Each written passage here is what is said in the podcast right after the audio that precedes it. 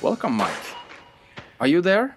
I'm yeah. yeah, he's there. Ah, you're, you're Always yeah. You're always there, huh? Yeah, yeah, yeah. We just yeah, I'm I'm your I'm your worst nightmare because uh, usually when I'm here or there, I'm here or there to stay. And mean- you can't get rid of me. I've had m- worse nightmares actually. but I mean, if you're not getting out of here pretty soon, it's probably gonna be worse. Yeah, yeah, yeah. no, no. If we don't get out tomorrow, I think we'll be uh, stuck for another month. But We- I can I can think of worse places to be. We're still stuck on Lance, and actually, we have celebrated Christmas. So that means we have actually been here for uh, a couple of weeks already. So, but it was it was a nice Christmas, wasn't it? No, I really enjoyed it, the Norwegian mm. tradition and, mm. and and to be able to spend it with people that you don't know because Christmas usually you spend with your family and you spend it with people that's close to you and mm. mean something for you. But the circumstances forced us into being with people that was like a family, that is becoming a family, that's living a unique experience. And I think um, it is something that will build our lives um, forever, and uh, it's something that we will never forget. So it it was definitely a special Christmas, you know. It was, and I. You remember what Knut Espen said upstairs? That was exact the same thing that I wanted to emphasize. You know, like right now we're we're kind of you know we want to get out of here, but probably most people here, or probably maybe everybody, hopefully. I mean, when they look back some time, you know, Yeah. they will think of it as an adventure. You know, spending the Christmas here because uh, it's it's it's unique. I mean, it's strange. We just talked about it this morning, but I mean, it seems like ages that you were on the ice. It's been that we were on the ice. It's been sixteen or seventeen days um, on the boat, and we met each other two days before that. So it's been we we saw each other It is across ages. the league 18 to 20 days ago and it, uh, you guys have been on the ice for for more than a month now so um and you have been a, a little longer. Yeah a little bit longer but uh, you know we we kind of forget about that and we think of what's happening in the present and sometimes we live too much in the past and we live too much in the future instead of just appreciating the moment now. And if you wish to be somewhere that you're not you're not satisfied with where you are if you always want to live in the past uh, then you're not living in the moment. And sometimes people see the future worse than what it will be and they always see the past as something better than what it was. And if you always see the past better than what it was and the future worse that it will be you'll never be happy. So um, Is it as simple as that? Is that a magic words? it's as simple as that. You know, I think happiness is something very simple, but that we make quite complex. And, and, and um, everything, life, you can make complex by the way you live it and how you think about it. But in a way, it's the simple things in life that makes life enjoyable. It's showing love, caring for people, being loved, being taken care of those small small little gestures those little telephone calls when you think of somebody call them and say hey i just thought of you. Goodbye ciao. And that you've changed somebody's life. And often we live in this rat race of of of of, of emotions and feelings and we're always too busy uh, to do something and actually we're busy with nothing but we fill our life up with a load of crap that's useless for our minds instead of filling it up with less things that adds value to your life. And the moment you fill it up with less that adds value, that's when you really start being happy about what you do. And you have to make those decisions in life because we often get taken into this this wild goose chase. We jump into a river, and the flow is so strong with everybody just rushing down this river that life goes by without appreciating it. Hmm. That's true. I mean, it's like when you, when, I mean, what, what I remember, I, I, I, I read in one of your updates, you know, is your, you know, I would say quite legendary, famous phrase about like, if you worry, you die, Yeah, yeah, yeah. and if you don't worry, what happens then? Well, if you don't worry, you also die. that's the brilliant one. and That's that's the unexpected one. Yeah, yeah, like- yeah. so, so both you can worry and die, or you can't worry and you can also die. But then, why worry? yeah, Because worry adds a lot of stress to your life. Worry adds uncertainty to your life, and everything that's uncertain in life um, adds uncomfort, and uncomfort doesn't make you happy. So if you don't worry, it doesn't add that uncomfort that makes you unhappy. If you don't worry, you might as well be happy because you take life as it comes to you. And often you try and change the things that you cannot change in life instead of ex- accepting those things that you can't change and saying, okay, I can't change it. So this is the way it is. And I don't want to try and change it, but I'll change what I can change to make mm. myself adapt to mm. it. And we always have that option to be able to to change small things in our life that will make it our life a little bit mm. more comfortable. And people say, but how do I do it? Changes cannot be only thought about. Changes must be thought about and then applied. So I usually have this motto. So I said, um, you know, you can think about it, mm. then you can plan it, and then you can do it. So those are the three phases that I build my life on, you mm. know. Mm. So it's basically dream about it, but you know when plan it, and do it. But w- when you're talking about this worrying, I mean, it, yeah, it brings discomfort into your life to worry too much. But I mean, you constantly travel to places where you have to worry to survive. Yeah, I but- mean, isn't that but surviving is- contradictory? yeah, but, but surviving is life, isn't it? Isn't everybody tries to survive in daily life? They go to work because that's the way they they survive.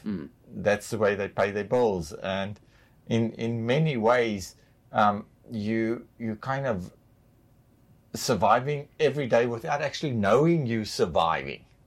You know, it's like it doesn't feel like surviving. it doesn't feel like It- it surviving. feels but what like you're doing, everyday life. Yeah. Yeah. But then everyday life is surviving. Yeah. You know, Yes. so survival is not all about jumping into the river and not drinking water for uh, one month and uh, being in the cold for three months. It's not survival, it's just living. And to add value to our life or value to what we do, we call it it's difficult and it's hard. And all of a sudden the people think, wow, it's difficult and hard. And then they they they think that you become a superhuman being to survive it, but actually you're just a normal human being. And it's not as difficult and it's just daily life. And everybody fights his own life and his own war, mm, That's crosses his own pole every day of life. and and many things you you do is actually like a daily life for someone else in that region they probably do the same but for some people it's normal and other people it's extreme. Yeah, Because it's so- You know, the, the big thing is, is, is as soon as you step out of your comfort zone into a zone that, that's not familiar to you, uh, it straight away becomes um, out of the ordinary for you. And if I don't like the word extreme because extreme is something that, um, you know, they think it's for crazy people. So I just call it maybe out of the ordinary stuff that you don't usually do and that other people don't usually do. So out of the ordinary things builds our character. Out of the ordinary things makes us stronger. Out of the ordinary things makes us adapt easier. And if you only do what you know, and if you only do um, what's in your comfort zone, you are never going to do the out of comfort zone things hmm. or what is not ordinary. And it's very easy to do something that is not ordinary because that's where you learn and that's where you feel alive. That's why a lot of people don't feel alive because they just do what they know. It's copy paste every day. They copy and they paste and they live. Copy, paste, copy, paste. And you can't live your life like that. You must be able to grow your life. And the moment you grow your life is the moment that you think, wow, now I can do more. You know, the bigger you grow, the more you want to do. And then people think, oh, that's extraordinary. It's simply because they're not doing it. But the moment that they decide to do it, sometimes they need a plan how to get it. You've got to give them the menu of life. You've got to say, take these steps and do this. And Sometimes we need this little kick in our ass. you need, we need that. need- Even me, even, yeah. That's how I often, you know, uh, tell people that you need the right people around you. I mean, the some people, you know, when when you're in the early early stage of considering something to do, it's good to have the critics there because they can balance. You know, if you're taking course, too much need- risk, you need but the when you have when you push the button that you wanted to do this, then you need you know the other kind. You need the one that can actually push your, or like kick you a little bit in the right direction if you hesitate too long. But you know, uh, Alex, that is so true. You know, sometimes we need that. We need that. People tell you, no, you can't do it. Sometimes we need people to say, well, maybe you can do it, but you need to do this and this and that. And all these things you have to listen to because you can turn anything plus or minus or positive or negative into your favor. And if people tell you you can't do it, um, you should listen to them as well. you should you At should- some point. you should listen to the first phrase of them. You can't do, and then you then you stop listening, and you say you can't do what? You can't do it, but I can. And that's where you turn the phrase into they think differently than you think.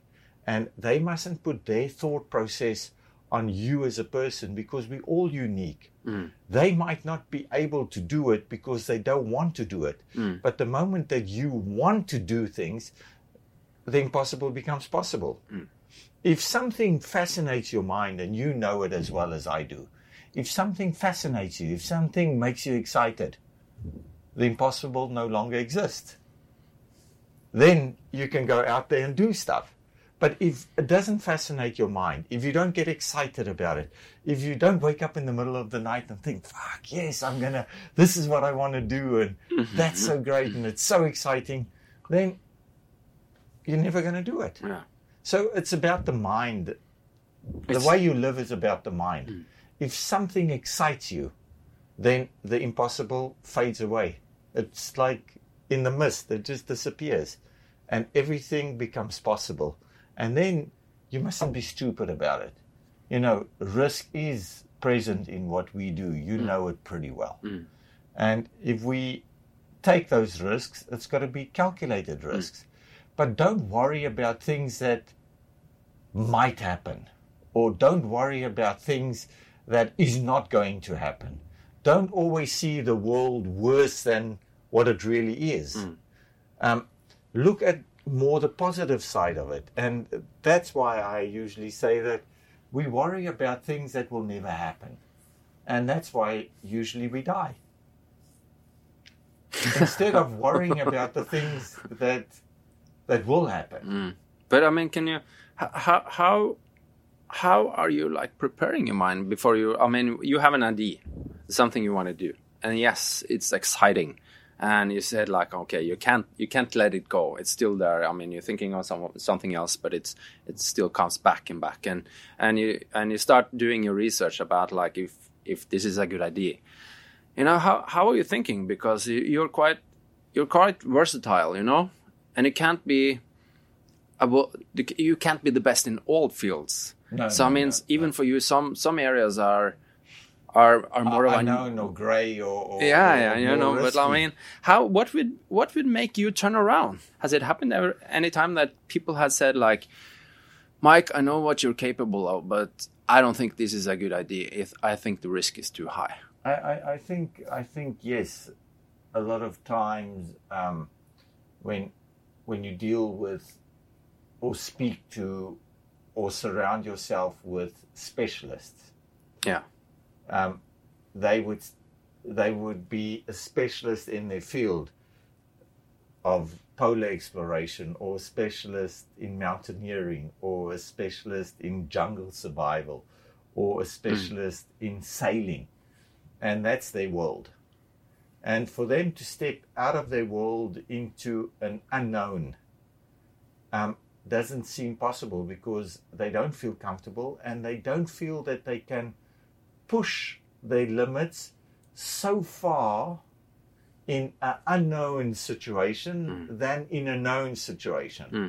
It's like sailing across the Atlantic. If you hmm. want to break a record, you need the right boat. You need a lot of experience. You need the right weather and you need the right equipment. Hmm. And that takes a lifetime to build. I can't expect from that sailor that wants to break the world record to go and climb a new route up Everest because he's going to say, It's impossible for me. I hmm. don't even know where to start. I don't even know what underwear or, or, or, or tent or shoes or crampons or I don't know when the ice would break. I wouldn't know when it would avalanche. I don't know when the rocks would fall. For him, it's impossible. So they don't allow their mind to think beyond what they are specialized in. And that's where I just allow my mind to grow. So I go and seek help. I go and seek the professional. I go and sit and I listen to what they have to say. I go and inform myself. And then slowly but surely I introduce myself into the element. And when I go, I go with them. I go with the best climbers in the world. I go with the best sailors in the world. I go with the best polar explorers. And I say, okay, teach me. So when you called like Børge to do this trip, you know, if he had said like, Mike, you know, we had a great trip last time, but I mean, mm, doing a whole crossing in darkness, no, I don't think it's a good idea. Would you have like, would you have be happy with that, or would you have been looking for someone else to? Because, because Børge is such a professional, you know, Børge is such a professional, and, and in 2006 we we when we did the the winter expedition to the pole, um, we both arrived on the pole satisfied, but with the question in our minds that we never spoke to each other that would we would it be possible to cross Did you think of that already uh, because that trip? it's, Yeah. it's the next step Yeah, of course it is. I don't know. and and then um, and then kind of we had to give it time and I went down to the South Pole and I crossed the pole and and then sailing away from the pole I called Børge and I said, Listen, Børge, um, you know, I'm going up to the North Pole and, and this is what I would like to do.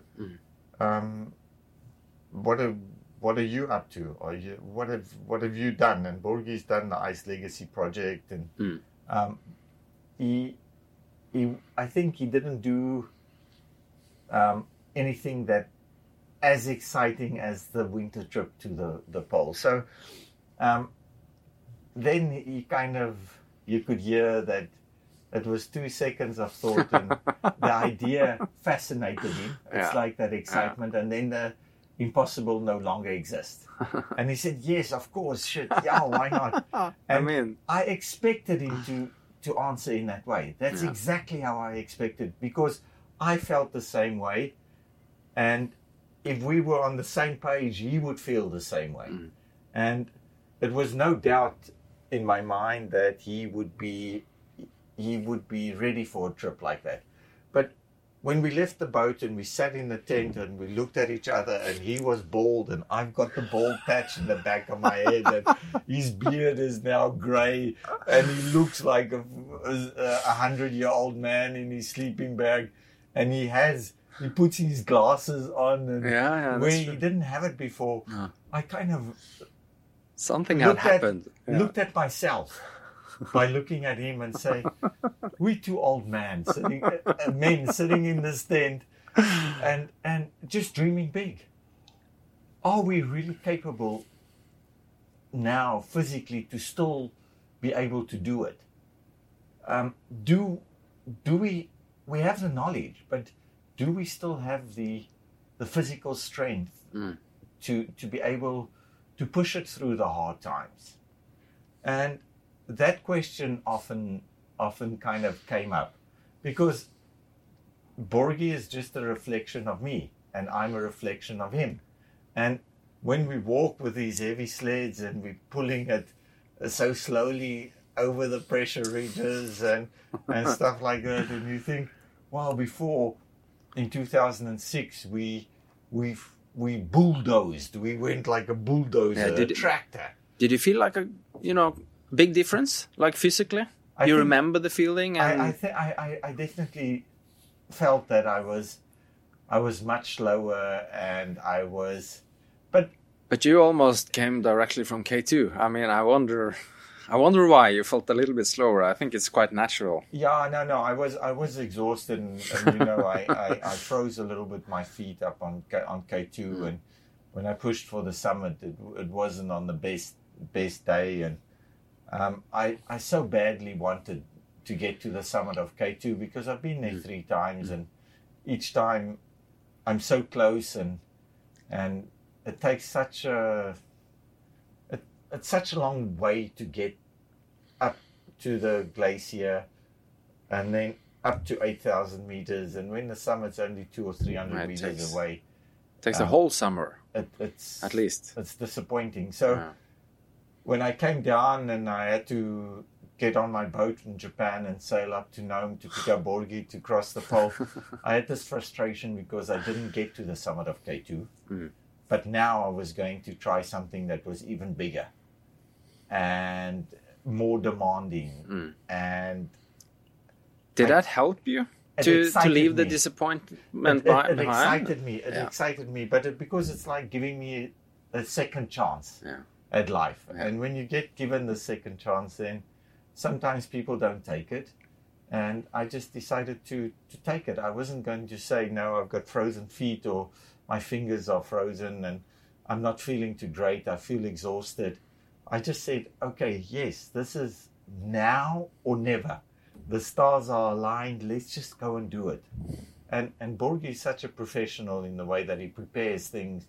And on my side, you know, getting the boat ready, uh, getting the crew ready, uh, getting all the rations on board the boat, to be able to to take us to the drop off point um, was was a lot of work, and that work was in place. And the moment that Børge's work was in place and my work was in place, it's that ding, you put it together, the puzzle's built, and all you have to do now is go out and try. And that's what people don't often understand is that the planning, the preparation, and you know it better than anybody else, is what what sometimes feels that it's taken that it's taking time and do you know enough? Is the equipment you've got a lot of questions during that mm-hmm. period. But when everything's done and you're on the boat and you're sailing away from land and you say now i can't change mm-hmm. anything then you feel relieved you feel kind of now I'm, now I'm, going to try It's such a relief, you know, to to to get on the way. And I, I think uh, I often get these questions, you know, like uh, how uh, how do you do your mental preparation?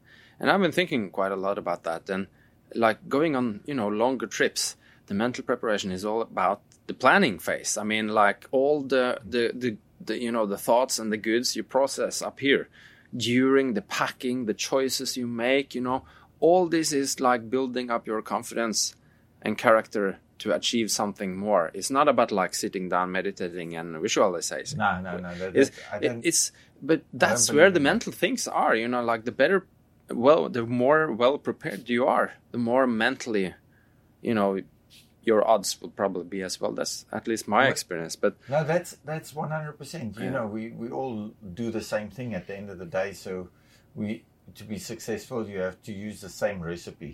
So so what I used to do is I would say, okay, um, let's write the equipment list. Mm. And when I write the equipment list, uh, I I say, okay, what's the best tent that I want? Mm. And then I go to something that's proven and known. So I And get, then you can make a cross when you have Then- done that thing, yeah, and you can leave that. then it's out of your mind. Yeah. And you don't think of, wow, what's going to happen in that storm? Will that tent resist? Ah, um, yeah, yes, I'm not so sure about this new design, or uh, it becomes a worry. Mm. Just take what you Mm. what you know will work, and then you make your worry less and less, and you give yourself confidence, and that confidence we need when everything's uncertain. Mm. When the rest, I mean, you shouldn't have too much uncertainty in your packing list. You know, it's like, there's So- another of that. You know, yeah.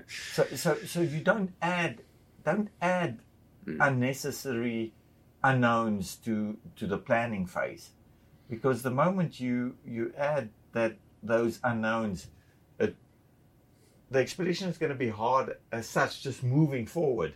So be able to trust the choices that you've made, Mm. and um, the moment you can do that is the moment that you you kind of become more comfortable, less stressed, Mm. less worried, and you feel more confident. You know, it's uh, it's funny because when I when we met on the ice, I, I had my camera and I and I had uh, you know I was going a little bit around for some comments and I just like asked this morning, you know, like what were you longing the most for? This was the very very last morning, you know. We knew that Lance was not that far away, and it was really cold, really chilly it and was- windy. like so I was freezing my fingers, but I was like, okay, I'll go over to Mike and ask him, you know, this cliche question, you know, like, what are you, what are you longing the most for? Do you remember what you answered? Yeah, at that stage, you know, I just needed the basics of life. Yeah. I just needed, I just needed to sit on a chair with not not on the tenth floor. I just needed to open a tap and have just water fl- Mm. run out of it. I just needed a little bit of warmth and, and comfort where I didn't have those things. Mm. And yes, although in the back of my mind, yes, I would like to be with my girlfriend again, and I would like to um, be at home and drive and eat um, uh, um, three-star Michelin meals and have the best red wine. And But because that's what people expect to answer on a question like that. Oh yeah, all these luxury things, you know.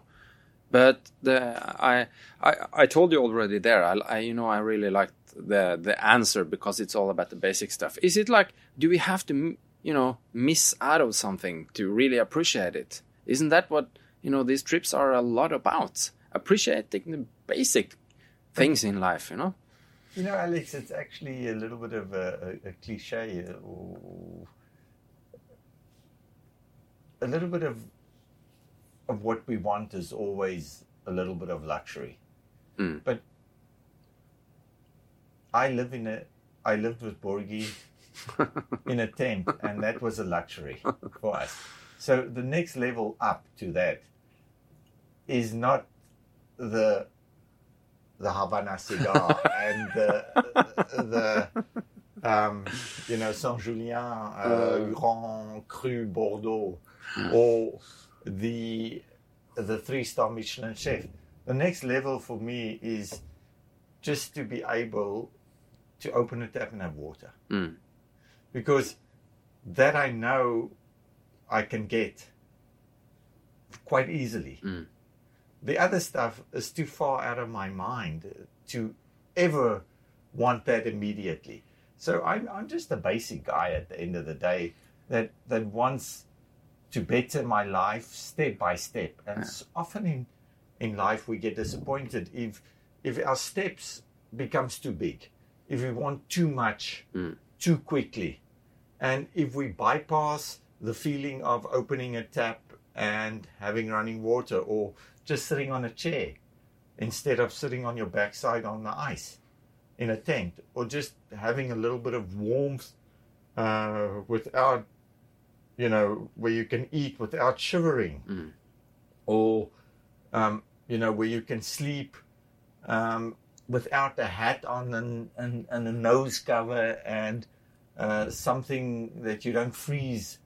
Um, you know, your mouth and your nose and your eyes while you're sleeping. So those basic things in life is achievable. And if you want something that is not straight away achievable, that's when you when you're not realistic about life, and that's when it's you're going to become a little bit unhappy.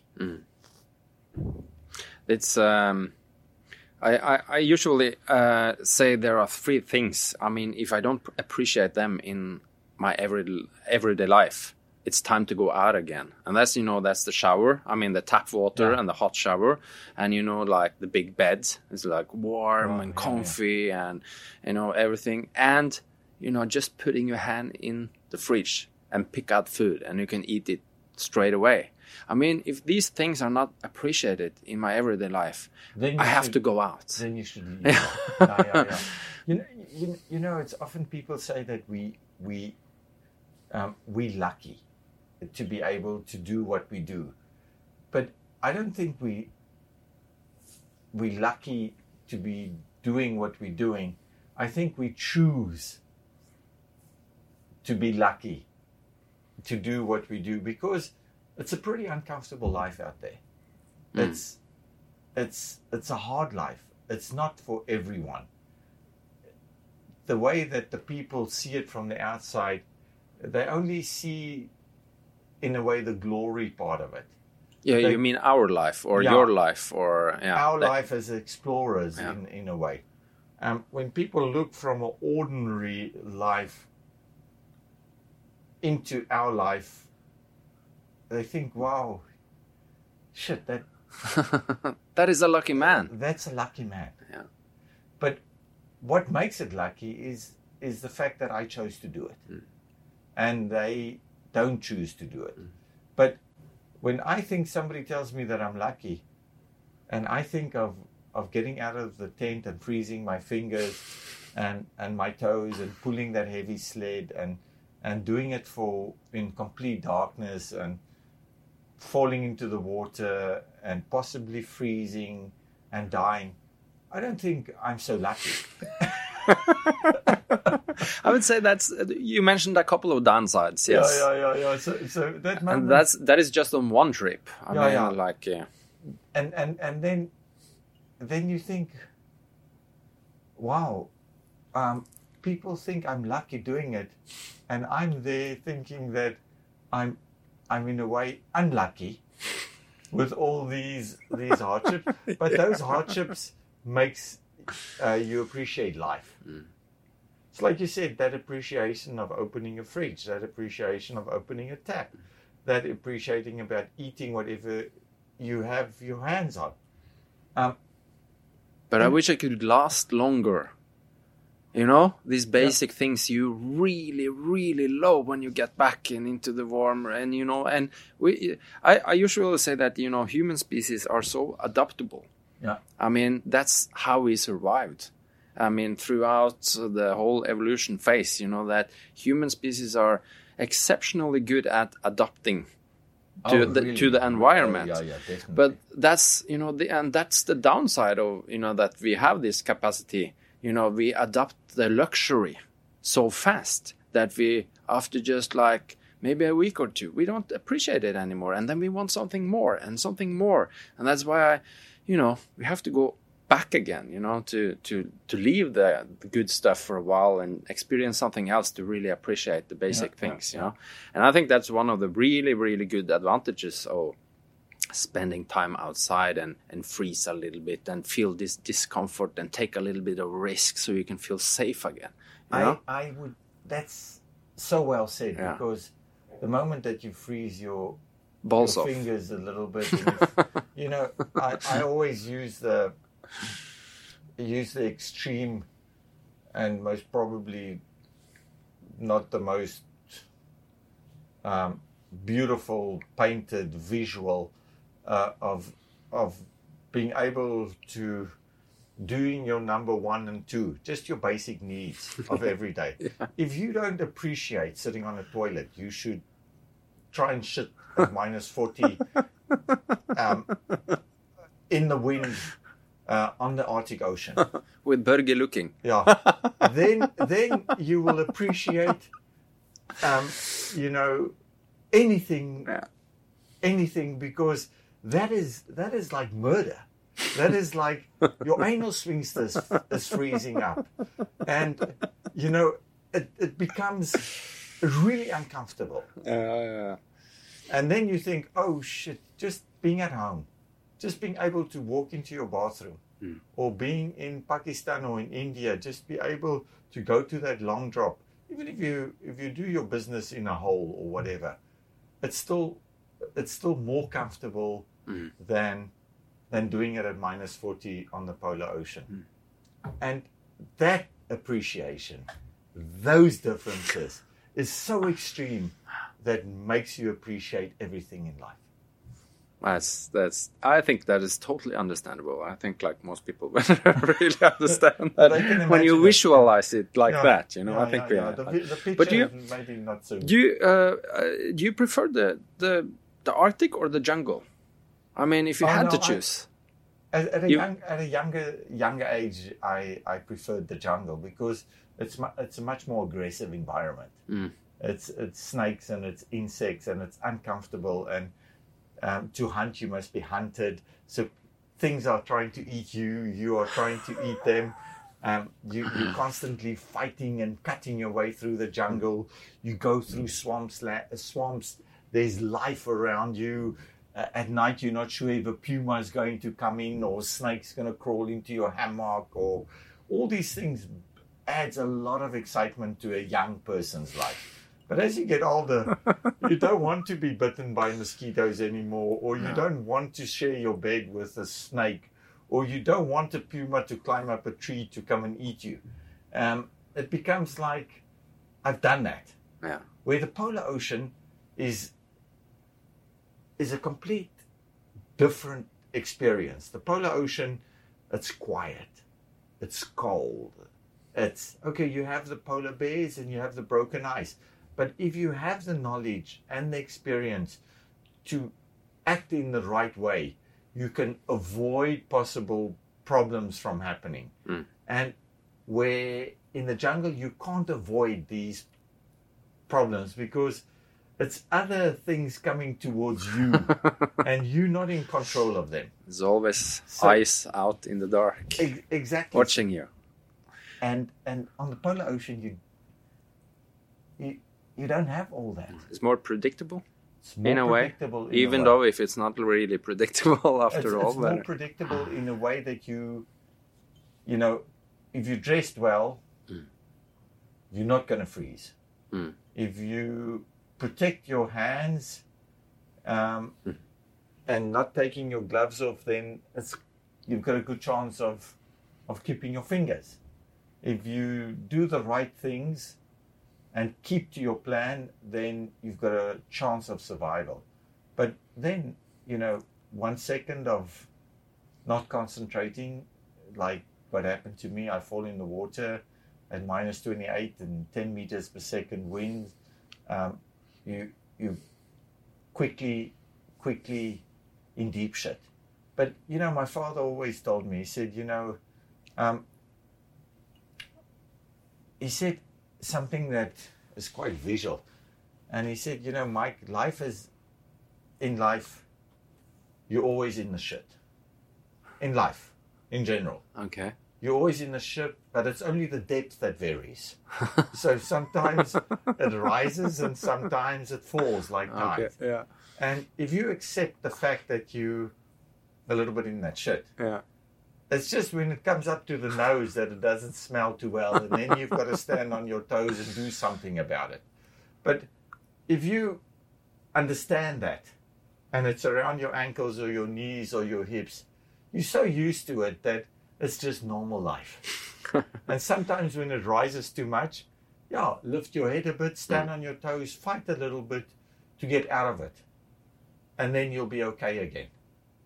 And that's the thing about exploration. Mm. We know that the mm. moment we leave home, we're in the shit. And from that day on, it's only the depth that determines how comfortable you're going to be. I, I let's jump back to this uh, to this moment you mentioned because the end of this trip, you know, it has. I would say it was like a quite a epic end. You know, I Oh, mean, it was amazing. you were you were doing amazing. We went out and suddenly we we found ourselves on each side of a lead, and we just like couldn't meet, and it was like, yeah, quite quite dramatic and quite interesting. And we are actually on on the south side, looking at you and your lights approaching to the other side of the lead, and then something is happening. Can you tell us about that? Yeah, you, you know, it, it's it's like a day that for 88 days we Yeah. were looking forward to. Um, the night before we pitched our tent at the where we were supposed to meet, that was only three kilometers away from the lead, and um, Ben called Børge and said, "Listen, there's a massive lead. We can't cross, and we're stuck on this side." So the next morning we wake up and with Børge, um, there's a there's a little bit of wind. It was well quite quite a lot of wind. It's quite cold a little bit with minus 28 and and the lead has grown a little bit and and um, we decided with Børge that we're gonna go to you because there's no need for you to cross hmm. the lead and then we have to recross it again. So we set off and we walk to about two kilometers. And then all of a sudden we see your lights flashing. The first lights we've seen in 87 days. Imagine the emotions that went through us. You know, the first people that we see, we can't see you at all. We just see that light. And that gives us hope. And that makes us excited excited. And we knew that that lead was there and separating us. But for us, we have overcome so many pro, uh, uh, uh, uh, obstacles Yeah. that it was easier for us to cross that lead than for you to cross that lead because you've been on the ice three days. Yeah, we we, we didn't have a clue Yeah, you- you to know, cross these big leads. It's, it's, it's like, it's dangerous. yeah, it was. It would be, It's, it's, especially it's- this one because it's it was. possible death. Yeah. It's you split from your partner, you you flip, or you lose your sled. You're in deep trouble. Or if and if we had crossed, I wouldn't have been looking forward to do it again. Of course. Back. No, no, no, no. The- it's- the other way. yeah, we, they say, you know, don't tickle the the balls of the lion twice. That's a good one. I'll remember that. yeah. So once you can try and Yeah. you might get away, but twice, no, no, he's gonna get you. So we see your light, and and um, uh, I was walking in the front, um, heading towards uh, the light, and as we got closer to you, we started seeing your lights really just on the other side of the lead. That was maybe 150 meters Something like that. yeah, 100 meters. I, I don't know. It was difficult hmm. to, to to to establish a distance. And Børge wanted to film this this meeting, and he says, "Stop, stop, stop, stop, Mike!" And I want to get my night vision camera. So he gets the night vision camera out, and and I've got my back towards him, and I said, "Okay, just tell me when I must go." And he says, "Okay, go." And now he's filming me, and it, it, I'm very close to the lead and I can see the lead in the open water and stuff like that. And he says, "Go!" And I, so I'm I'm skiing and he's filming now. With so excited to see you guys, not at all concentrating on the lead in front of me. And I cross a, that little reach, and I it was like a second. I just looked back at Børge to say, "I'm going to stop." Mm. And at that moment, I was still moving forward, and that was a step too far. And at minus 28, the snow gives way, and I'm in that lead in 10 meters per second winds. And I've got my skis on, the sled's broken the ice, I'm in the water, and it's a fight for survival from that moment of excitement, seeing your light, to that moment of acting being videoed to the moment that you in a life threatening situation is a matter of a second Mm. and then to be able to to get my hands on the side of the lead and hold on to some of the broken pack ice that happens when when the ice compresses against each hmm. other and moves apart. And holding on and not getting my legs out made me realize that you know it's not over until it's over. No, it's hard to swim with skis on. and and those skis and that snow pulling me down into the lead and I'm just holding on and all I all, all I did I said shit in my mind I said why didn't you concentrate to the end. Because now this is dangerous. So Børge filming it saw it in the camera so he, he dropped the camera and he runs towards me and and he, tr- he he nearly goes into the lead Mm. he, himself as well in such eagerness to help me. And and he tries to pull me out but it's impossible. My skis are underneath the ice and the snow. It's impossible. So i have to try and turn around and wiggle my skis in a way he can't put his hand in the water to to try and get the ski It's impossible. I it's mean, impossible he would freeze It's so easy to and- get stuck yeah. with the skis down there, you know. and uh, and and as I on the on the ice like this, I roll around and the skis move up like this, and then I could get my one leg out. And when I had my one leg out, I had more maneuverability, and then got the next leg out. Uh, and then I said, Børge, Børge, let's get the tent up. Now we have to go fast, you know. And and Børge being such a professional, the tent in always in the right place in my sled, always folded in the right manner, always ready for very strong winds to be pitched, Yeah. always the the the ice screws and everything in the same place makes it easy to survive. You're not all of a sudden looking for things No. everywhere. Everything is so so written like rule one tent rolled to the left Mm. tent open white zipper so that that was the routine that we followed and that helped us survive this expedition and and Børge and myself pitched the tent and I got into the tent and he got the stoves and he lit this lit the stoves and by then I was completely frozen as well because I rolled in the snow and the snow packed on the clothing started absorbing a little bit of the moisture and then trying to get the zippers open was impossible. So I have to get on the flame and, and defrost the zippers and and you guys on the other side didn't know what was happening. Oh. all of a sudden you saw us saw us pitch a tent and I think you must have thought wow were they're not going to cross this lead They're Ah, not, I thought it know." was like a strange, uh, strange place to camp. it was completely the worst place to camp Five you know. meters from the water. And it's like, Yeah. wow, wow, wow, I didn't know. But I mean, I was happy that I, that we didn't know the the, dr- the drama of it, and there's you know the the, the seriously uh, seriousness about the the situation, you know. But it's it's a good lesson that you have. Like, why didn't you? Focus, at the very yeah. end, and that's uh, so uh, little distraction, little excitement, and you would and you do something different that you would have done if you were on target, you know. and then we we would never film that so close to that lead. We would never never say, okay, walk.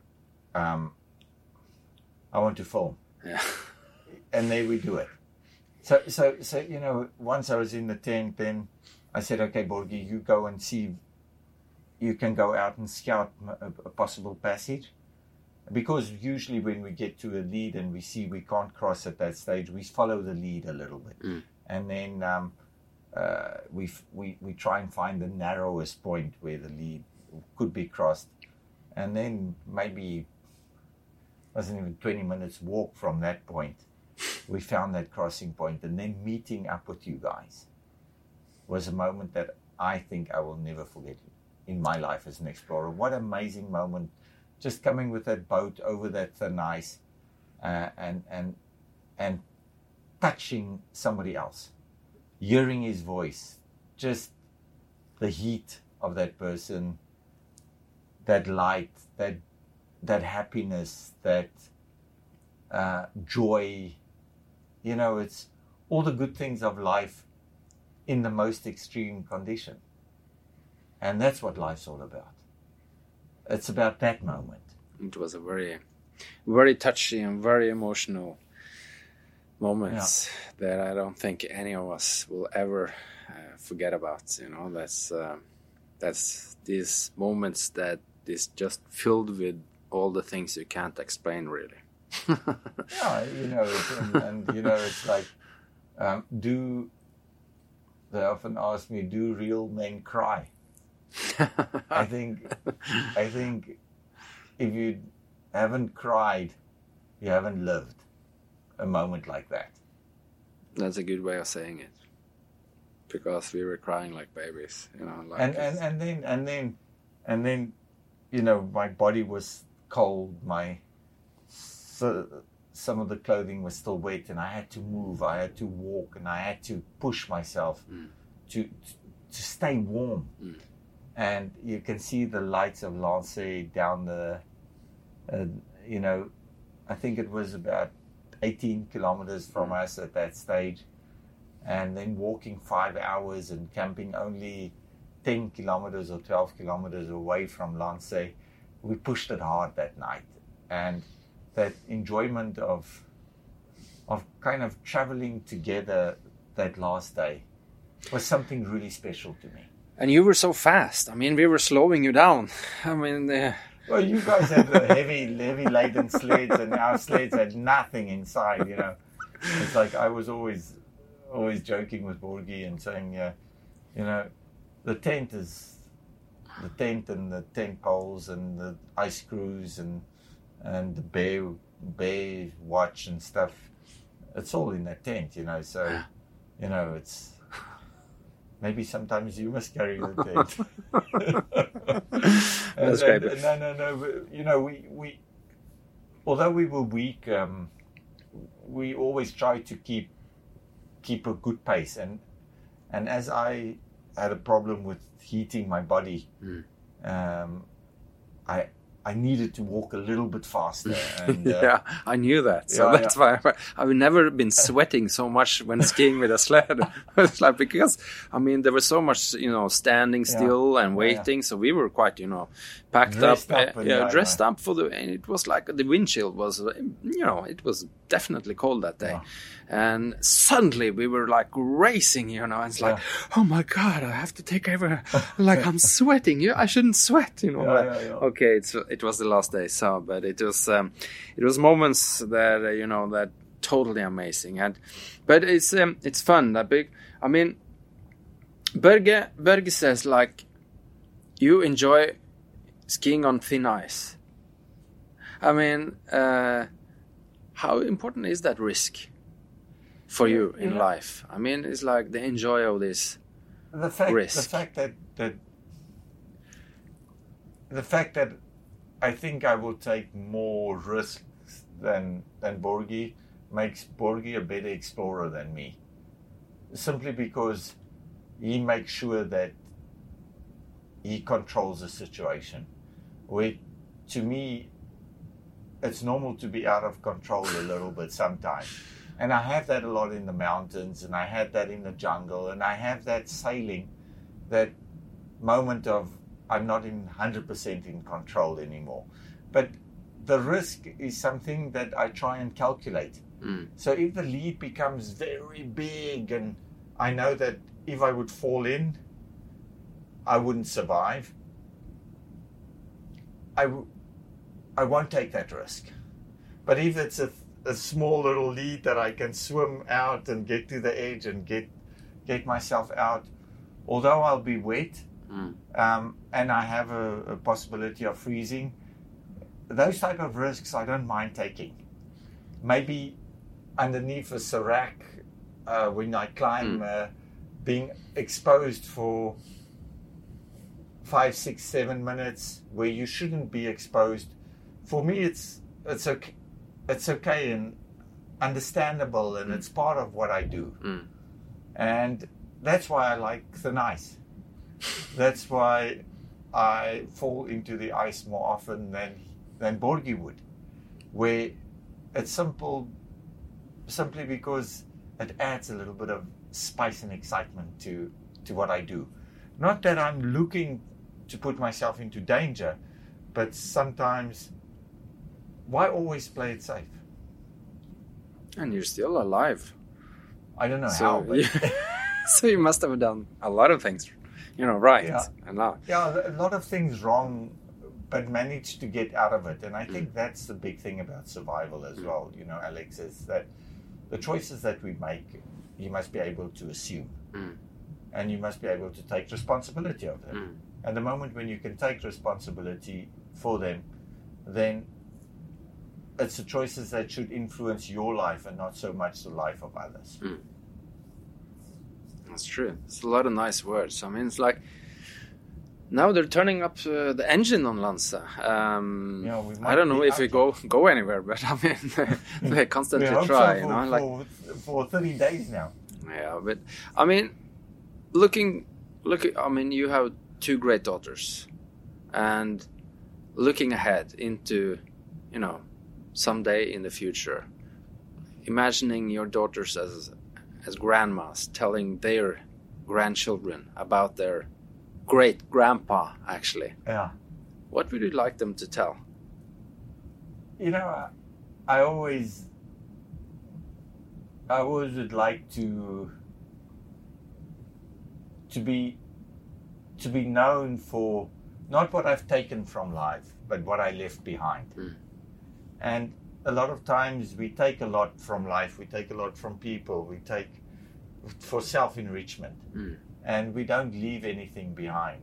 And that's where you know I would le- I would like to leave a legacy behind that that people can use and apply in their life to be able to be kind, to be able to be willing to help others, to be able um, to be accessible, to to be able to speak to anybody that wants to speak to me is is for me important because those human factors um, often disappears when when you become a little bit known or a little bit famous or become as a movie star or a big soccer player or um, in exploration yes we don't have that same following like an actor would or a big football player or a soccer player but it's still people respect us for what we've done and if people respect you for what you've done